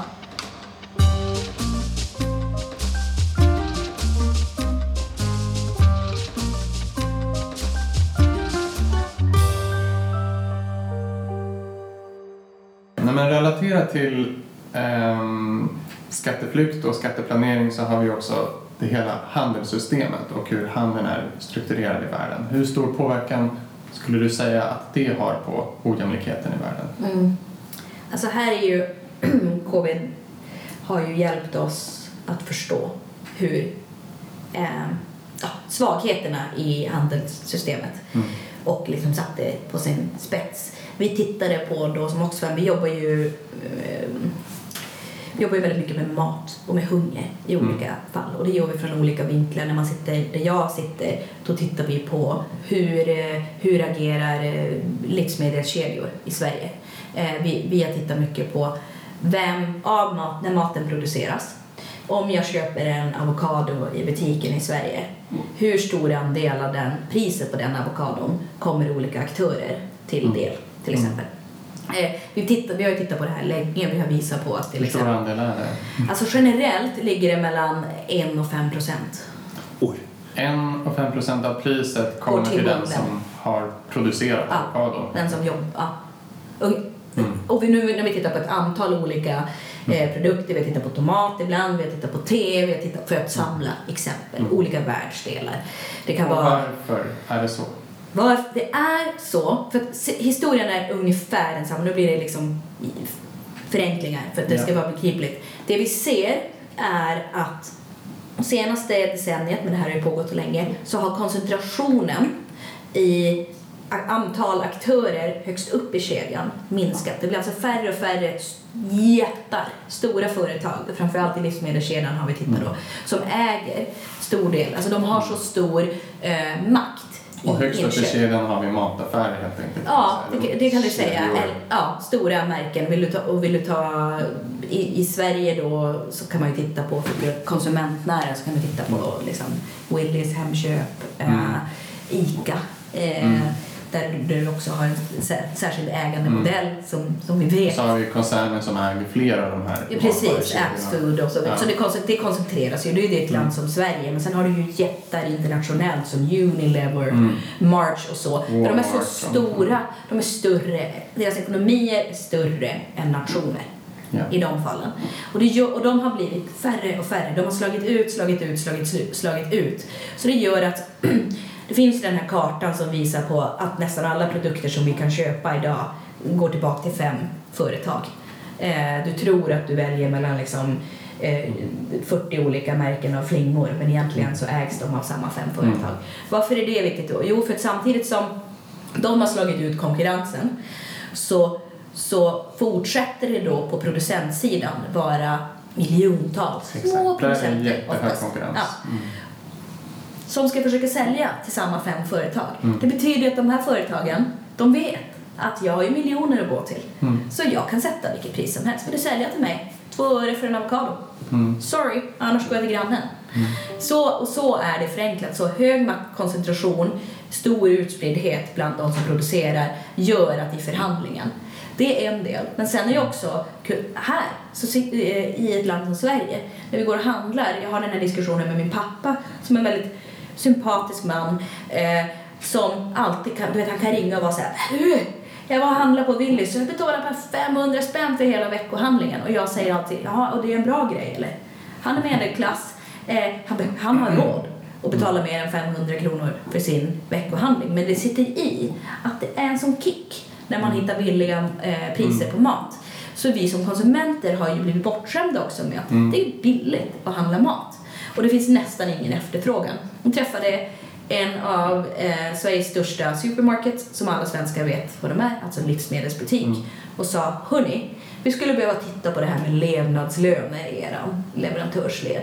Vi vet att människor som odlar maten som ni säljer, inte, de har inte råd att leva för det. Vi har en projektidé med er. Vill ni titta på oss? Tittade på den med oss. Ja, de gick tillbaka, de gick igenom alla chefsnivåer. Så kom de tillbaka och så sa de till Oxfam, jättedumt tycker jag. Någon gång kommer det sluta vara en hemlighet. Eh, det finns ingen anledning för oss att göra det här projektet. Därför det finns inga kunder som frågar efter det. Vi behöver inte titta på det här med social hållbarhet. Därför man frågar om miljögifter, för men det är ingen som frågar mig. Eh, Kanske eh, för att det inte har varit någon stor fråga. Och Finns ingen man vet konsumenttryck inte, ännu. Man vet inte hur man ska välja. Det är en maktlöshet också. Mm. Och då går de till någon annan sa de. Om vi börjar höja priserna, då Jo. går de till någon av lågvarukedjorna istället. Men det är också ganska naturligt såklart att, eh, man, att folk söker efter billiga priser. Och jag tror att det är mer politik som behöver åtgärda, i min ingång i alla fall. Men man kan ju också tänka, visst att vi har billiga priser men, men som du säger, alla, skulle man ta bort alla mellanhänder och eh, alla som tar ut övervinster på det där priset Mm. så skulle du också kunna få ner priset. Mm. Eh, om vi Vi skapar kortare kedjor. Ja, det kan man göra. Och det skulle ju också vara en väldigt stor eh, miljövinst om vi kunde få mer lokalproducerad mat till exempel. Jo, men, fun- men fortfarande så finns problemet när vi sitter då och pratar med inköpare på olika företag eh, och säger så här, men när ni handlar, vad ställer ni för frågor? För att du ska liksom säga att mm, det här, den här producenten, i, risproducenten i Pakistan är den vi ska köpa in vårt ris från. Vad krävs? Ja, men pris. Jag ska pressa priset. Ja, men har ni hållbarhetskriterier? Ja, men det gör ju hållbarhetsavdelningen. Så att det finns inte i våran modell. De jobbar inte tillsammans då. Nej, jo, de kommer ju in och säger att det vore bra om det är hållbart. Men fundamentalt på inköpssidan, är du en duktig inköpare, som det ser ut i de företag som vi har inblick i, så ska du handla till, till så lågt pris som möjligt. Ja. Eh, därför kunden ska ha möjlighet att göra det. Så vi måste ju in eh, Mm. och skruva, eh, skruva där. Eh, och, det, och det måste till så här, ja, jag är också med dig. Det är en systemfråga, det är politiken som måste in och styra. Samtidigt så har ju konsumenten en möjlighet att börja ställa lite, lite krav. För vi har ju eh, i alla fall en medelklass som har börjat ställa krav på att jo, men jag kan tänka mig att betala lite mer om det är ekologiskt. Men eh, jag tror det kan funka bra, börja, börja funka i Sverige för det blir mer och mer. Jag själv exempel tittar inte bara efter ekologiskt utan även efter Fairtrade. Och ser jag något som står Fairtrade på, det är Fairtrade bananer till exempel, då, då köper jag det även om de kostar mer. Mm. Men vet du vad problemet är? Nej. Älskar Fairtrade. Oxfam och Fairtrade, bästa kompisar. Eh, så viktigt. Problemet är att man springer efter en produkt i taget och så märker man den. Men det är fortfarande hela det här systemet Ja visst, precis. som är, vi kan, alltså vi kan, det kan bli bananer och sen skitar vi kaffe och sen lyckas vi med någonting. Men hela, liksom, vilken produkt vi än går in i, för vi får alltid frågan då, vi gjorde med en rapport ganska nyligen med Systembolaget eh, som ni kanske läste och då handlade det om så här, ganska grava människorättskränkningar, grova människorättskränkningar i italienskt vin. Ja, frågar journalisterna, ska jag köpa franskt vin istället då? Då sa jag nej, det spelar ingen roll vilket vin du köper. Nej. För vilket vin vi än gräver i vilket land så är det ändå människor. Det finns alltid en utsatt grupp, ofta migrantarbetare eller Jo, liksom jo jag, jag förstår ju det. Ja. Men, men det är ju, det är ju ett tecken på att, eh, att eh, vi, vi konsumenter vi mer och mer börjar efterfråga det. Och det är För det är ju som Margareta sa, och det måste ju bli mer så. Det sänder ju Och- signaler till politiken också, men man måste jobba på båda sätten. Och Ja. säger, det är ett systemfel som det går inte att komma åt eh, riktigt via konsumentmakt. Så. Nej, och nu säger ju företagen som vi jobbar med, de har ju gått ut och börjat kräva. Så nu, nu pågår en lagstiftning, nu nu är det mänskliga rättigheter.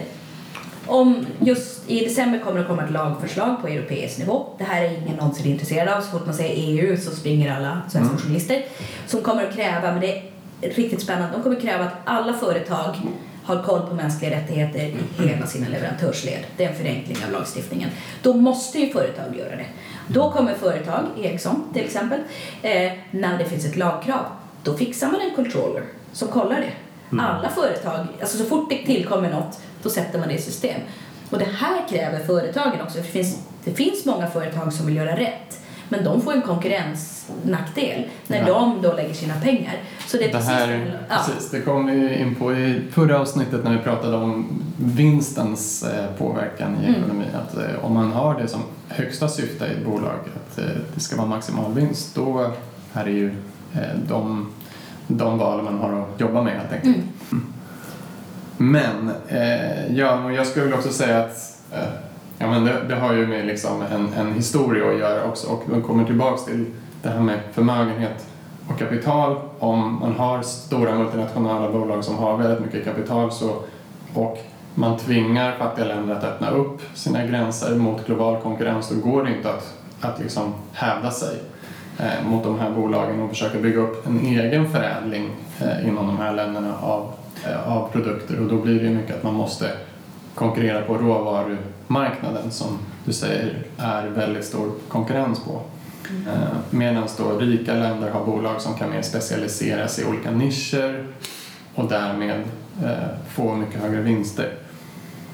Men en, en intressant sak där man, man eh, nämner ju kanske ofta att ja, men rika länder eh, ger ju en massa bistånd för att öka utveckling i, i fattiga länder. Och eh, sen, man kan ju kritisera liksom vad bistånd går till och sådär men, men man kan väl säga att det, det, det finns många positiva saker med bistånd och, och, och Oxfam är en del av det eh, positiva.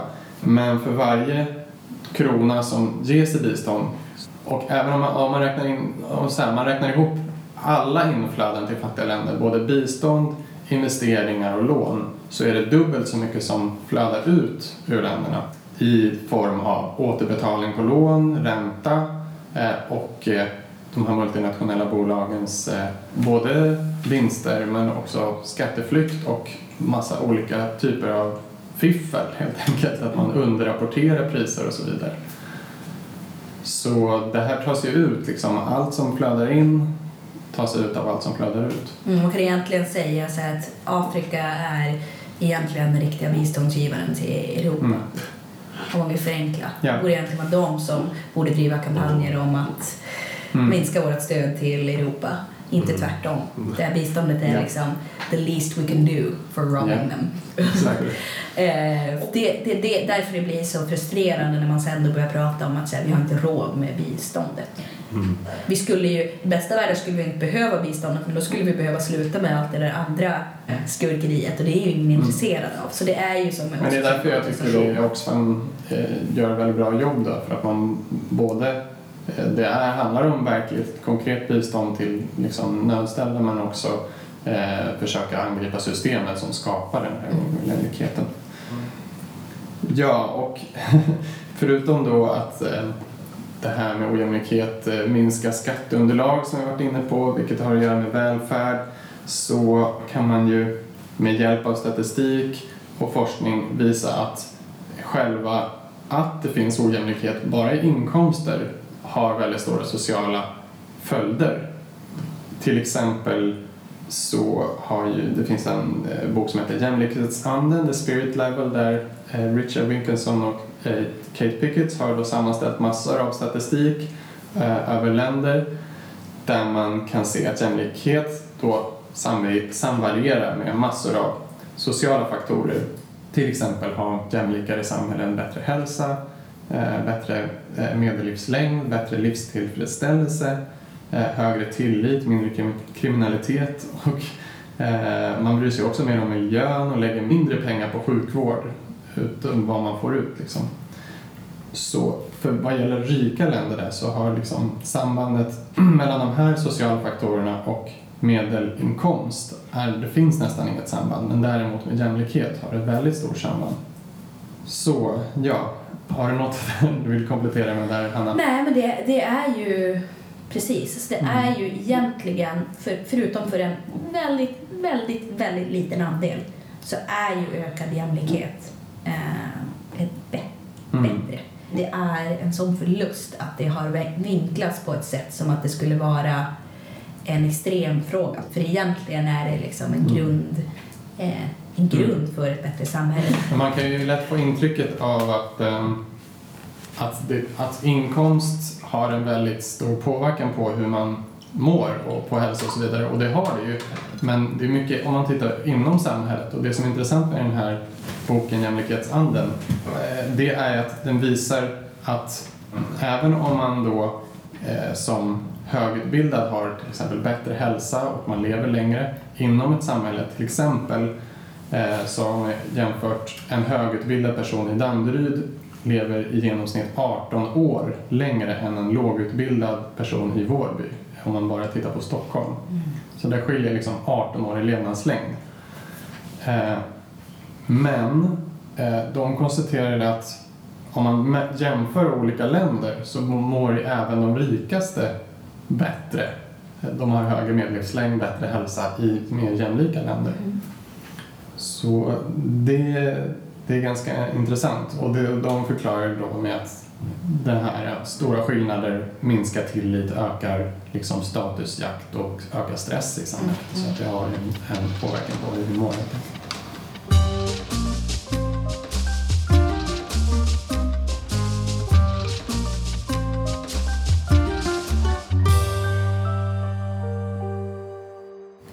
Men om vi ska komma in lite mer på eh, orsaker då till ojämlikheten. Eh, Lars, en stor anledning till att eh, eh, kapitalinkomster har växt eller att kapital, kapitalet har växt mycket i framförallt rika länder har att göra med penning och banksystemet och hur det är Mm. utformat. Ehm, vilket leder till en liksom närmast automatisk ökande ojämlikhet. Vill du förklara lite hur det här hänger ihop, det systemet med ojämlikhet?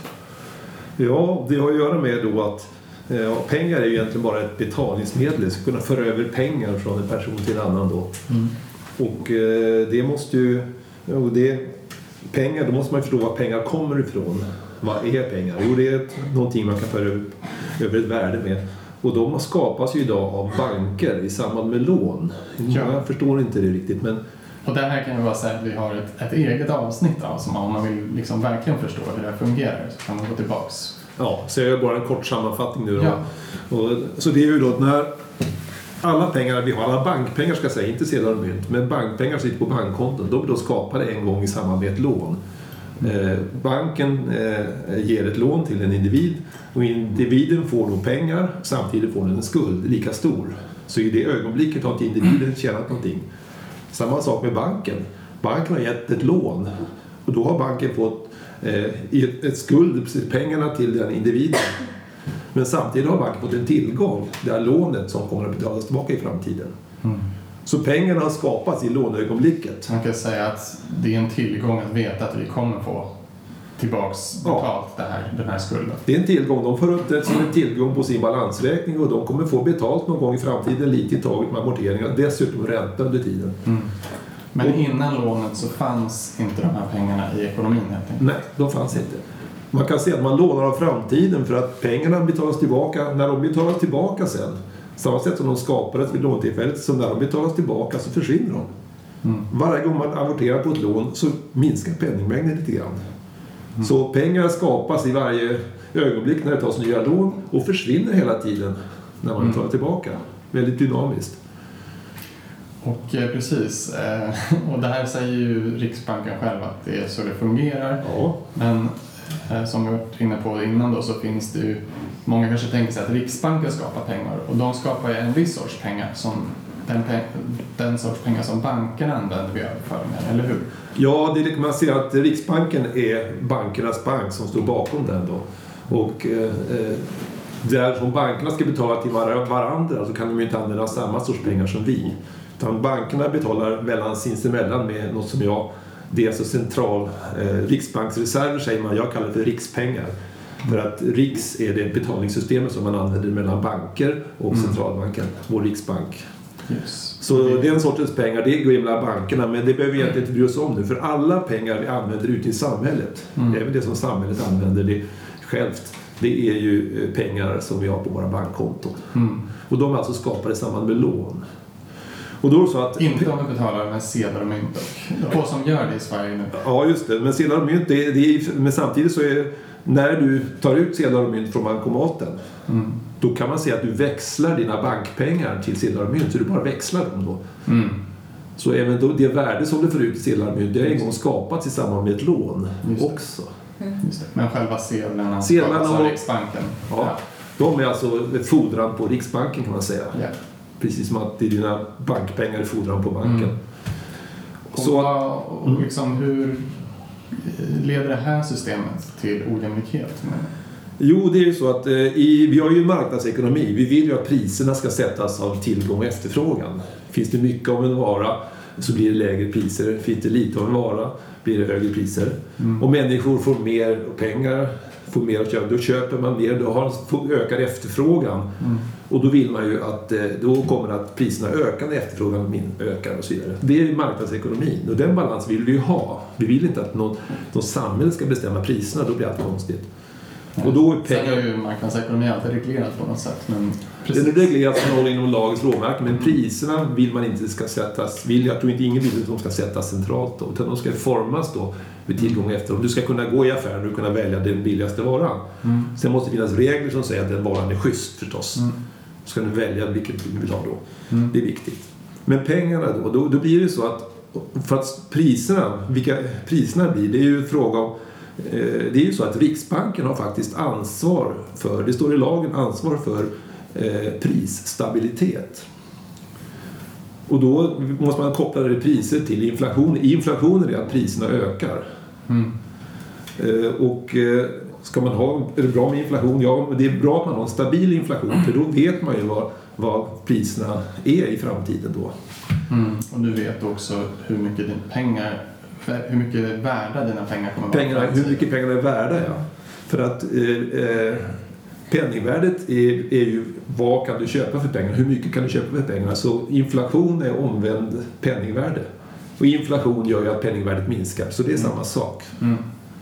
Och sen har Riksbanken ska ha en stabil inflation och det definierat som, de definierar det själva som 2% och det är rimligt för att eh, man vill ha stabil helt enkelt. Stabil och låg. Det, Och man vill inte riskera att det blir deflation för då Nej. kommer folk bara hålla på sina pengar. Ja. Och det är ungefär lika mycket som kollektivavtalen säger att lönerna ska Ja, det de, är- sätter- sig lite över. lite, lite över. Ja, det häng- det hänger ju Från ihop- till 2,4 ungefär. Alltså det, Ja, det hänger ihop. tjänar du aldrig så mycket mer pengar. Nej. Och det hänger då ihop med inflation. lite. Ja, men inte... Men inflationsförväntningarna styr ju då hela det här. För att inflationsförväntningar gör då när man ska ta ett kollektivavtal så funderar man på hur mycket kommer priserna stiga. Och då vill man ju ha någonting som man kan lita på då. Mm.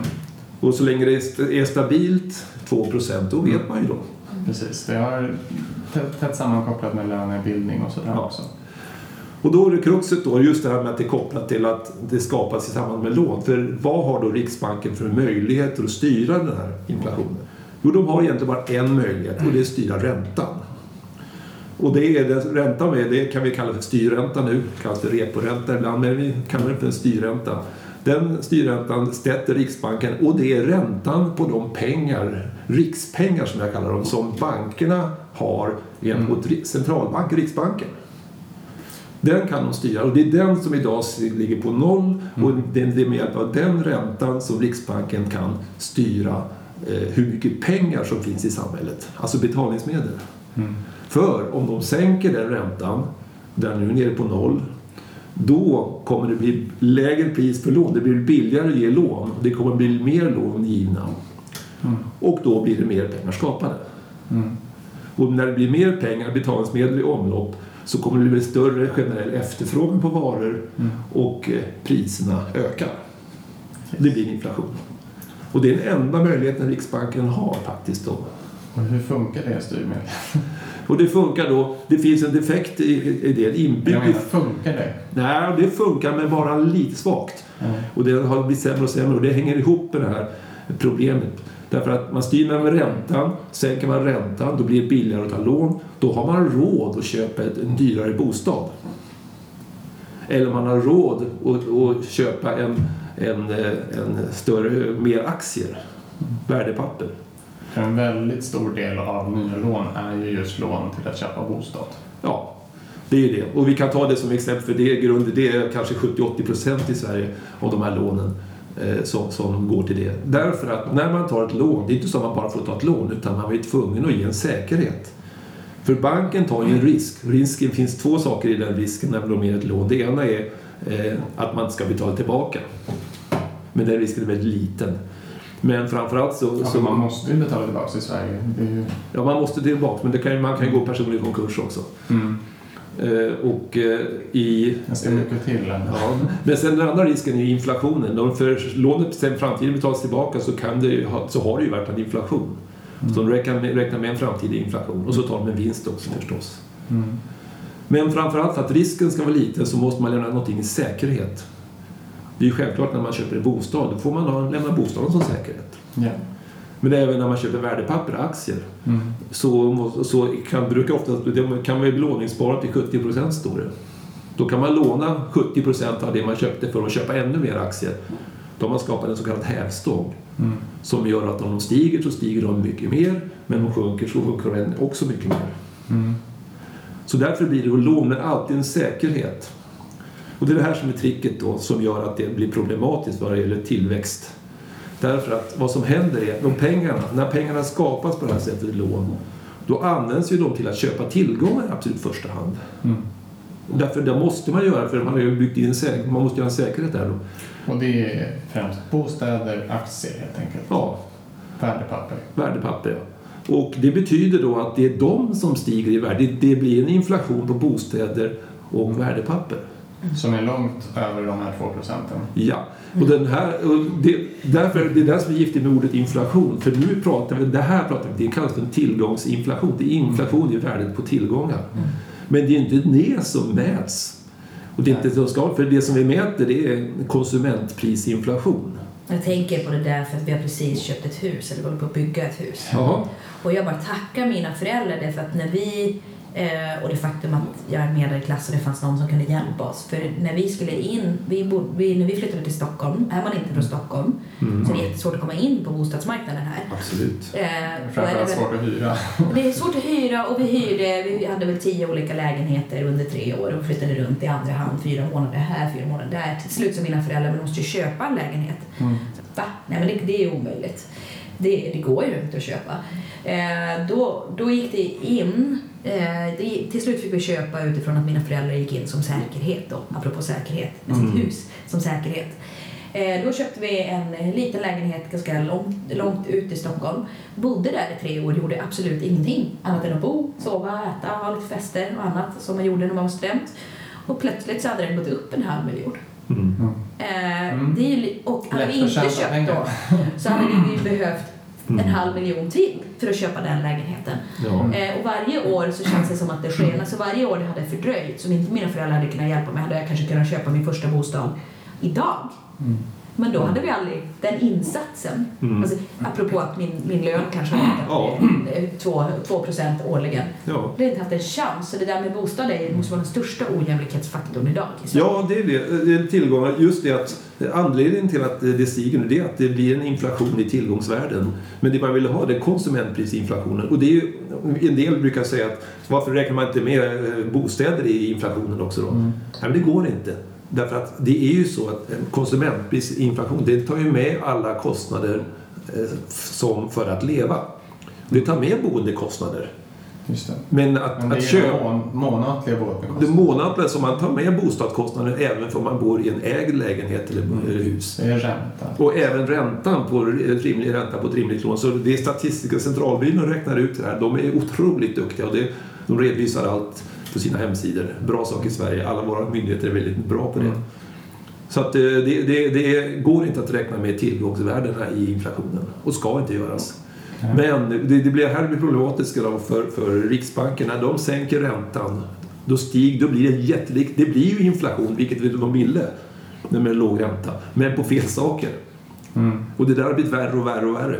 Precis, det spiller över lite på konsumentprisindexinflationen också då. Ja, så, Men det blir ännu större inflation på tillgångssidan. man har kallat det tidigare för att det kallas för sippra ner då lite grann. Det betyder ju att de, till exempel om man säljer sin, sin, sin bostad då, som har stigit i värde, då får man pengar över för man hade ju mindre lån Mm. än man hade ränta. Då kan man spendera de pengarna. Ja, fast det funkar ju inte i praktiken för alla måste ju ha någonstans att bo. Och då har ju den nya bostaden du ska köpa hunnit bli dyrare också. Jo, men det funkar för oss gamlingar, vet du. Ja, Och jag, jag köpte mitt hus för 25 år sedan Ja. och säljer mig, då får, då får jag jättemycket över och då kan jag ju... Men det är bara det Men var ska att... du bo då? Va? Vart ska du bo Jag du köper en lägenhet som kostar hälften så mycket. Mm. Ja, men gör den det då? Ja, ja. Kostar inte en lägenhet idag det... Ja, men jag bor i Huddinge och där har bostäderna, villorna stigit ännu mer än lägenheterna. Ja, på lång sikt så är det ju en väldigt stor värdeökning. Ja, ja. Men det, det, grejen är att princip hela tiden är det så att den som säljer sin bostad har, har så att säga gjort en vinst. Och då om man köper en likvärdig bostad så, så får man pengar över. Och de spenderar man. Men de som gör det, de har gjort en resa. Och de spenderar ju inte på, de köper ju inte mer, bättre kvalitet på matvarorna och sådär. Utan de, de åker ju kanske på resor och köper en större bil eller något sånt där. Mm. Och så småningom kanske man köper större bostad också för sig, men det, men det är inte det. Så att hur som helst, Så det blir liksom de som kom in i det här bostadsracet tidigt som Ja. kanske hade antingen att de hade kapital tidigt eller Ja. att de påbörjade den här resan för längre sedan. Ja. Eh, De drar ifrån helt enkelt och därmed ökar ojämlikheten. ja, visst det är hur tydligt som helst. Vi är precis den generationen som, är, eh, som har verkligen haft nytta av ekonomiskt. Jag har ägt min bostad sedan 1979 då. Först lägenheten, sen radhus och sen hus. Och jag har bekanta då i Huddinge som, som, har, som är jämnåriga som, som bott i hyreslägenhet. Mm. Och de har haft enkla jobb, jag har haft kanske mer betalt än dem, men hur som helst så har de de har liksom bara fortsatt där och de har en enormt eh, mycket sämre ekonomi nu. Som inte har ägt sin lägenhet. Och det går ju inte det. Du, vi har sagt, eh, det kanske är många i Sverige som äger sina bostäder men det är, det är väl inte mer än hälften egentligen. Tror Men då kan man lyckas som bostadsminister i Sverige då? Det låter ju Ja, som så- att de här punktlösningarna, det låter ju som att det. Ja, alltså det, det, det är ju en sak att eh, man kan då, eller måste nästan kompensera de här expansionen som de välbärgade har fått med, med skatter då. Progressiva skatter. Men det gör man ju inte i så hög grad. Man har tagit bort dem. Så därför, det är därför som det här... Tvärtom så subventioneras man ju av staten för att ta lån. Så Ja. man får ju ränteavdrag. Men det är därför som det här, de ekonomiska klyftorna ökar mer i Sverige än de flesta andra länder. Mm. Men vi har haft ett bra läge. Men nu sen när vi har så att säga, eh, de senaste åren så har man tagit bort fastighetsskatten och liknande saker. Då har det där expanderat mycket mer i Sverige, de här klyftorna. Mm. Eh, Och då måste man in på grunden och det är det som jag vill prata om, det här med penningreform. Man kan reformera Precis, för, penningsystemet. för, för många kanske tänk, skulle ju då säga att ja, men det är naturligt att bostadspriserna ökar. Dels för att kanske många vill bo i storstäderna Mm. eh, och då, då ska de ju öka enligt marknadslogiken. Eh, och sen att eh, kanske också att det byggs inte tillräckligt och framförallt byggs inte tillräckligt mycket hyresrätter och då kommer folk vända sig och köpa bostaden istället. Att, att det kanske är mer den typen av efterfrågan som driver upp priserna och Ja. att lösningen då skulle vara helt enkelt bygg Mm. tillräckligt med bostäder, bygg hyresrätter. Men eh, du skulle också säga att det har med bank...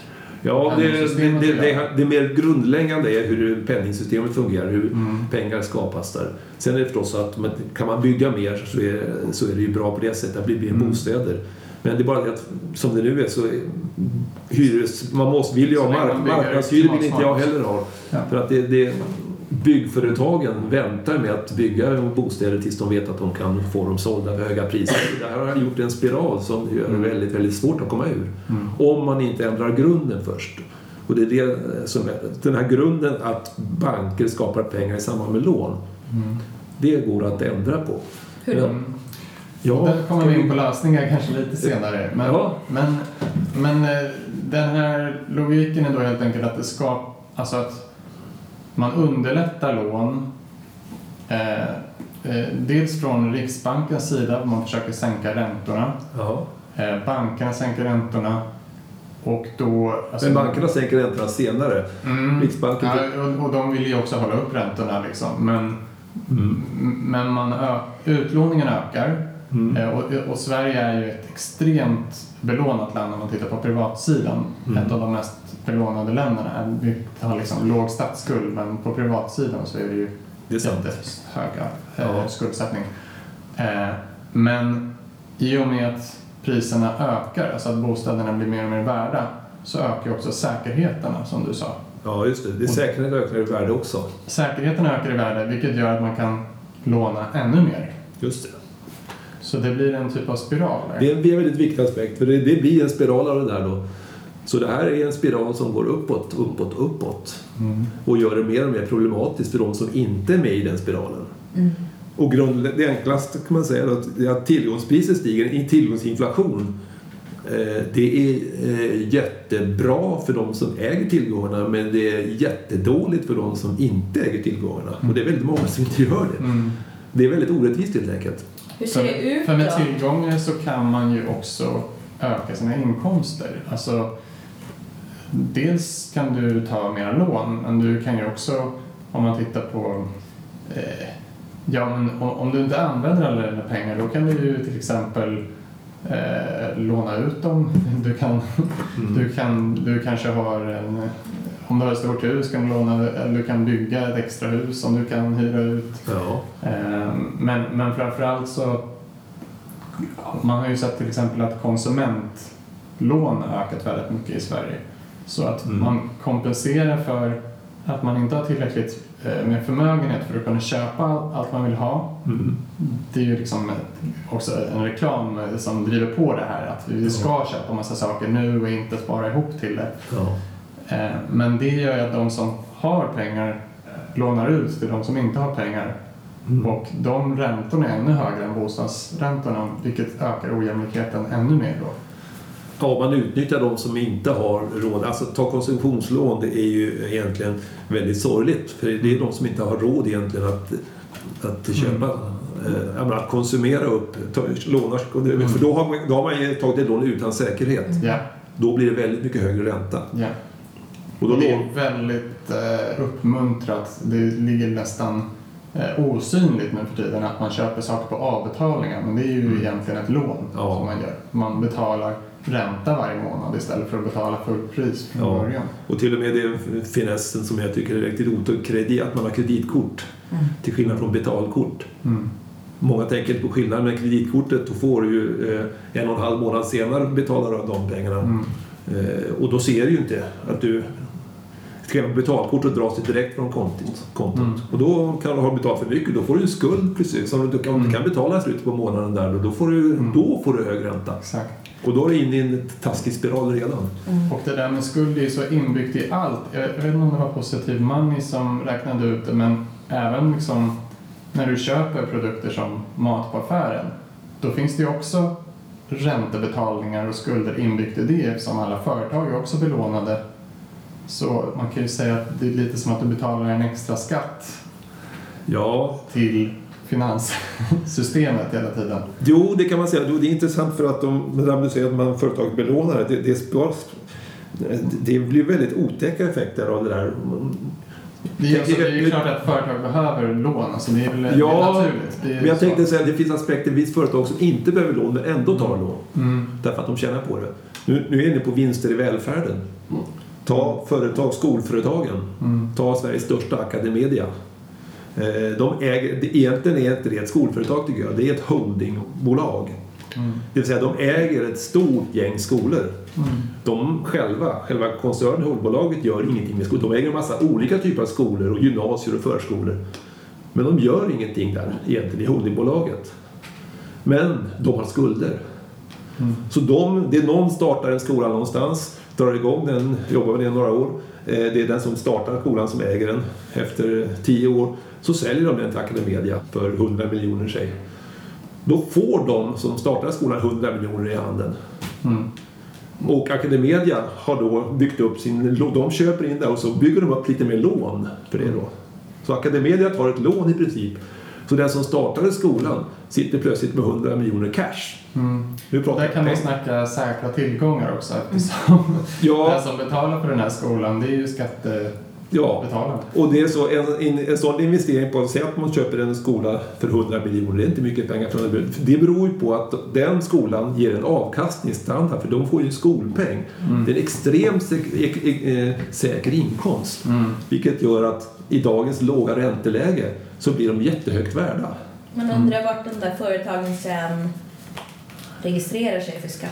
Ja, kan det vara i de här jobbskatteparadisen? Som av en händelse har det visat sig att det är så i vissa fall. Ja, men om inte då så blir det som Academedia som, som är väldigt mycket värt på börsen. Då, då. Så att det här är en, en baksida eh, som man sällan ser som har med penningsystemet i botten att göra. Mm. Därför man skapar lån på det här viset. Mm. Så det här måste också tas om hand. Verkligen. Och det här blir då i och med att Riksbanken är tvungen att sänka räntan för att få upp inflationen då så blir de här Academedia och andra för alla företag blir mycket mer värda. Mm. Och det intressanta nu under pandemin så blir det jättekonstigt Mm. för vissa. Jag tycker det var helt naturligt då eh, att fast vi har en världspandemi, eh, det har gått väldigt dåligt med bruttonationalprodukter och liknande, Mm, så stiger alla företag jättemycket värde. Mm. Jag har aldrig sett. Börsen har inte stigit så mycket på någonsin faktiskt, Mm. sista ett och ett halvt åren. Mm. Och det beror just på det här att eh, de har fått hjälp, samhällen har gått in och stöttat så att inte folk ska förlora sina jobb. Mm. De har stöttat på alla möjliga sätt och vis. Men för, för att företagen ska överleva. Och framförallt, det som har hänt i Sverige är att Riksbanken har köpt så kallade bostadsobligationer. Riksbanken körde redan tidigare en sak. De köpte statsobligationer och det kallas för QE. Och det innebär att man köper de här obligationerna som staten behöver ge ut för att låna in pengar. Då har Riksbanken köpt upp dem. Man kan säga att eh, Riksbanken lånar ut riksbankspengar. Ja, man köper alltså färdiga, man köper på den fria marknaden då köper man de här statsobligationerna. För man skapar riksbankspengar och för dem köper man de här statsobligationerna och då håller man nere räntan så att staten kan fortsätta att låna till en låg ränta. Mm. Det har man gjort sedan 2015. Och vid det här laget så äger Riksbanken hälften av alla Sveriges statsobligationer. Och då, det gjorde man innan pandemin. Och då, För under krisen så har ju staten då velat satsa mer än vad man får in på skatteintäkter och då har man velat, då, då blir man tvungen att låna upp de pengarna helt enkelt. Man har blivit tvungen att låna in, staten har varit tvungen att låna in mer, men det har inte varit så himla mycket mer. Men lite mer har staten behövt låna upp. Mm. Man gjort. Men fortfarande har Riksbanken inte köpt in fler. Utan man ligger kvar på samma nivå, man bara återköper de man hade. Så man ligger kvar på samma nivå för statsobligationer under pandemin. Därför att man kan inte köpa in hur mycket som helst, man har regel redan hälften.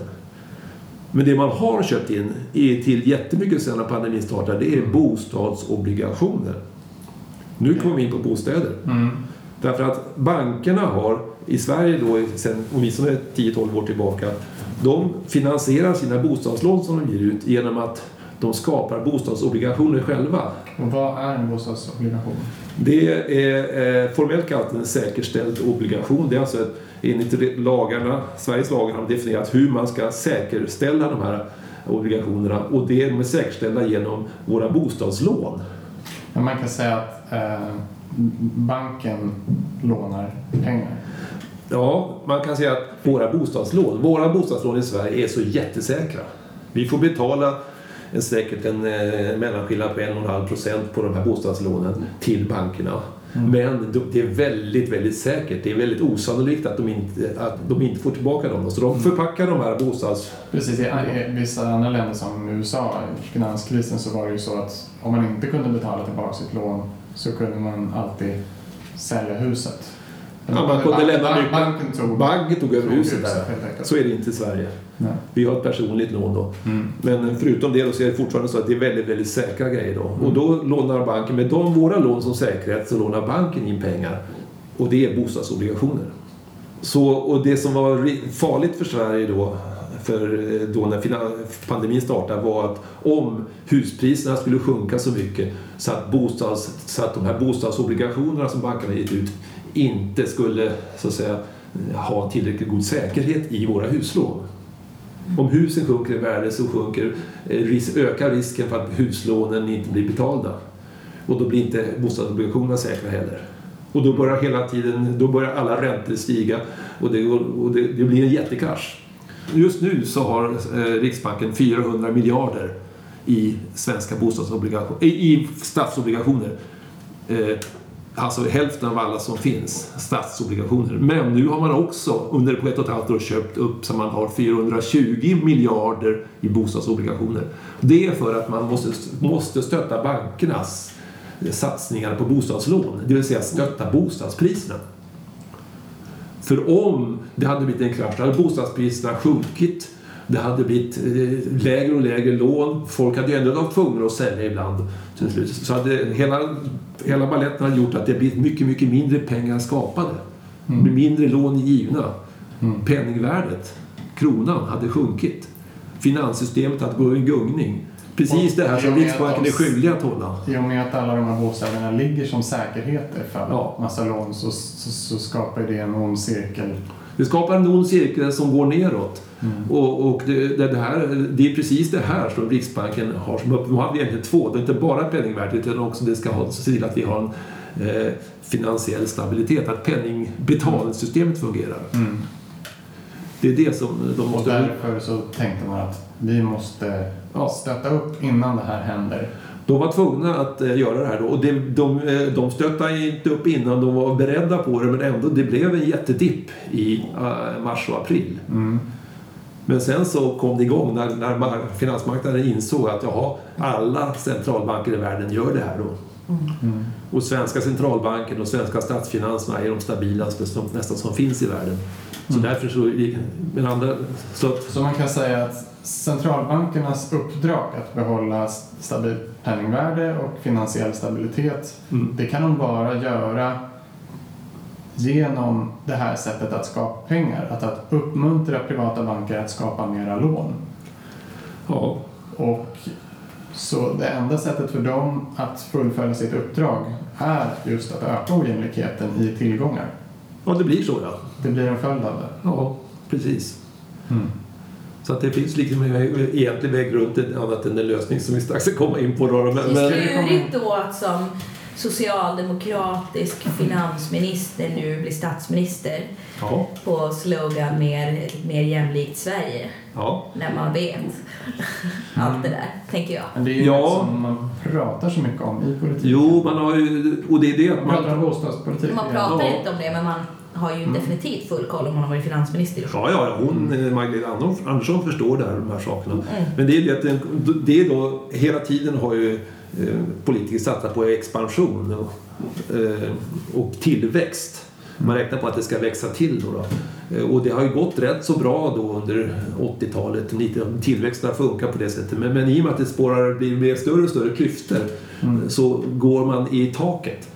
Och det tydligaste till, grejen som gör att man har gått i taket är ju eh, Riksbankens styrränta. 0 procent. Vi var nere på minus en halv procent tidigare och då blir det väldigt konstigt i huvudet på de flesta. Vad vad sjutton är minusränta? Det blir Man får jättekonstigt. betal, bankerna får betalt när de lånar. Ja, just det. Det var någon i Köpenhamn, i Danmark till och med, som lyckades få ett huslån med minusränta. Hur kan det gå ihop? sig? Alltså det blir jättekonstigt. Så, så att det, det är det tydligaste tecknet. Och det eh, gör... Eh, så det, är ett, det finns ett golv. Man kan inte gå längre med säkra räntorna. Så därför man var inne i en återvändsgränd som slutade redan innan pandemin. Och nu har vi på något sätt tryckt iväg den en gång till. Och det här vet Stefan Ingves, det här vet Riksbanken då. Det här vet Magdalena Andersson också. Så det, är- det är en intressant Ja. situation vi har. Och eh, vi har pratat om att ojämlikheten är väldigt eh, groteskt stor i världen men den har ju också ökat i Sverige och den är väldigt hög, särskilt på tillgångs eh, eller förmögenhetssidan. Ja. Eh, jag plockade ut en siffra på att de dollarmiljardärerna i Sverige, som då har blivit fler, eh, det är eh, 41 stycken, jag kommer inte ihåg vilket år det var men det kanske var två år sedan eller något. Deras förmögenhet motsvarar 30 procent av hela Sveriges ekonomi. Så 41 personer. Och, eh, och det här påverkar väl också inkomstsidan. Alltså löning, löneskillnader kanske man pratar mer om när man pratar om ojämlikhet och så. Mm. Men i och med att fler och fler får eh, sina inkomster från kapital istället, från att man äger saker, Ja. så triggar det, det var någon ekonom som sa, det triggar igång också de högsta lönerna för de vill ju, man vill ju locka till sig de här rika Ja, eh, välmeriterade personerna till chefjobb och så vidare. Men om de lika gärna kan sitta och inte arbeta alls och tjäna ännu mer pengar Mm. så måste man också locka dem med höga löner, tror man i alla fall. Ja. Jag vet inte om man egentligen måste göra det, men det finns en sån kultur i alla fall. Ja. Eh, Så att även i, Sverige så eh, enligt en LO-rapport så tjänar en VD som eh, 55 industriarbetare eller som 59 undersköterskor i genomsnitt.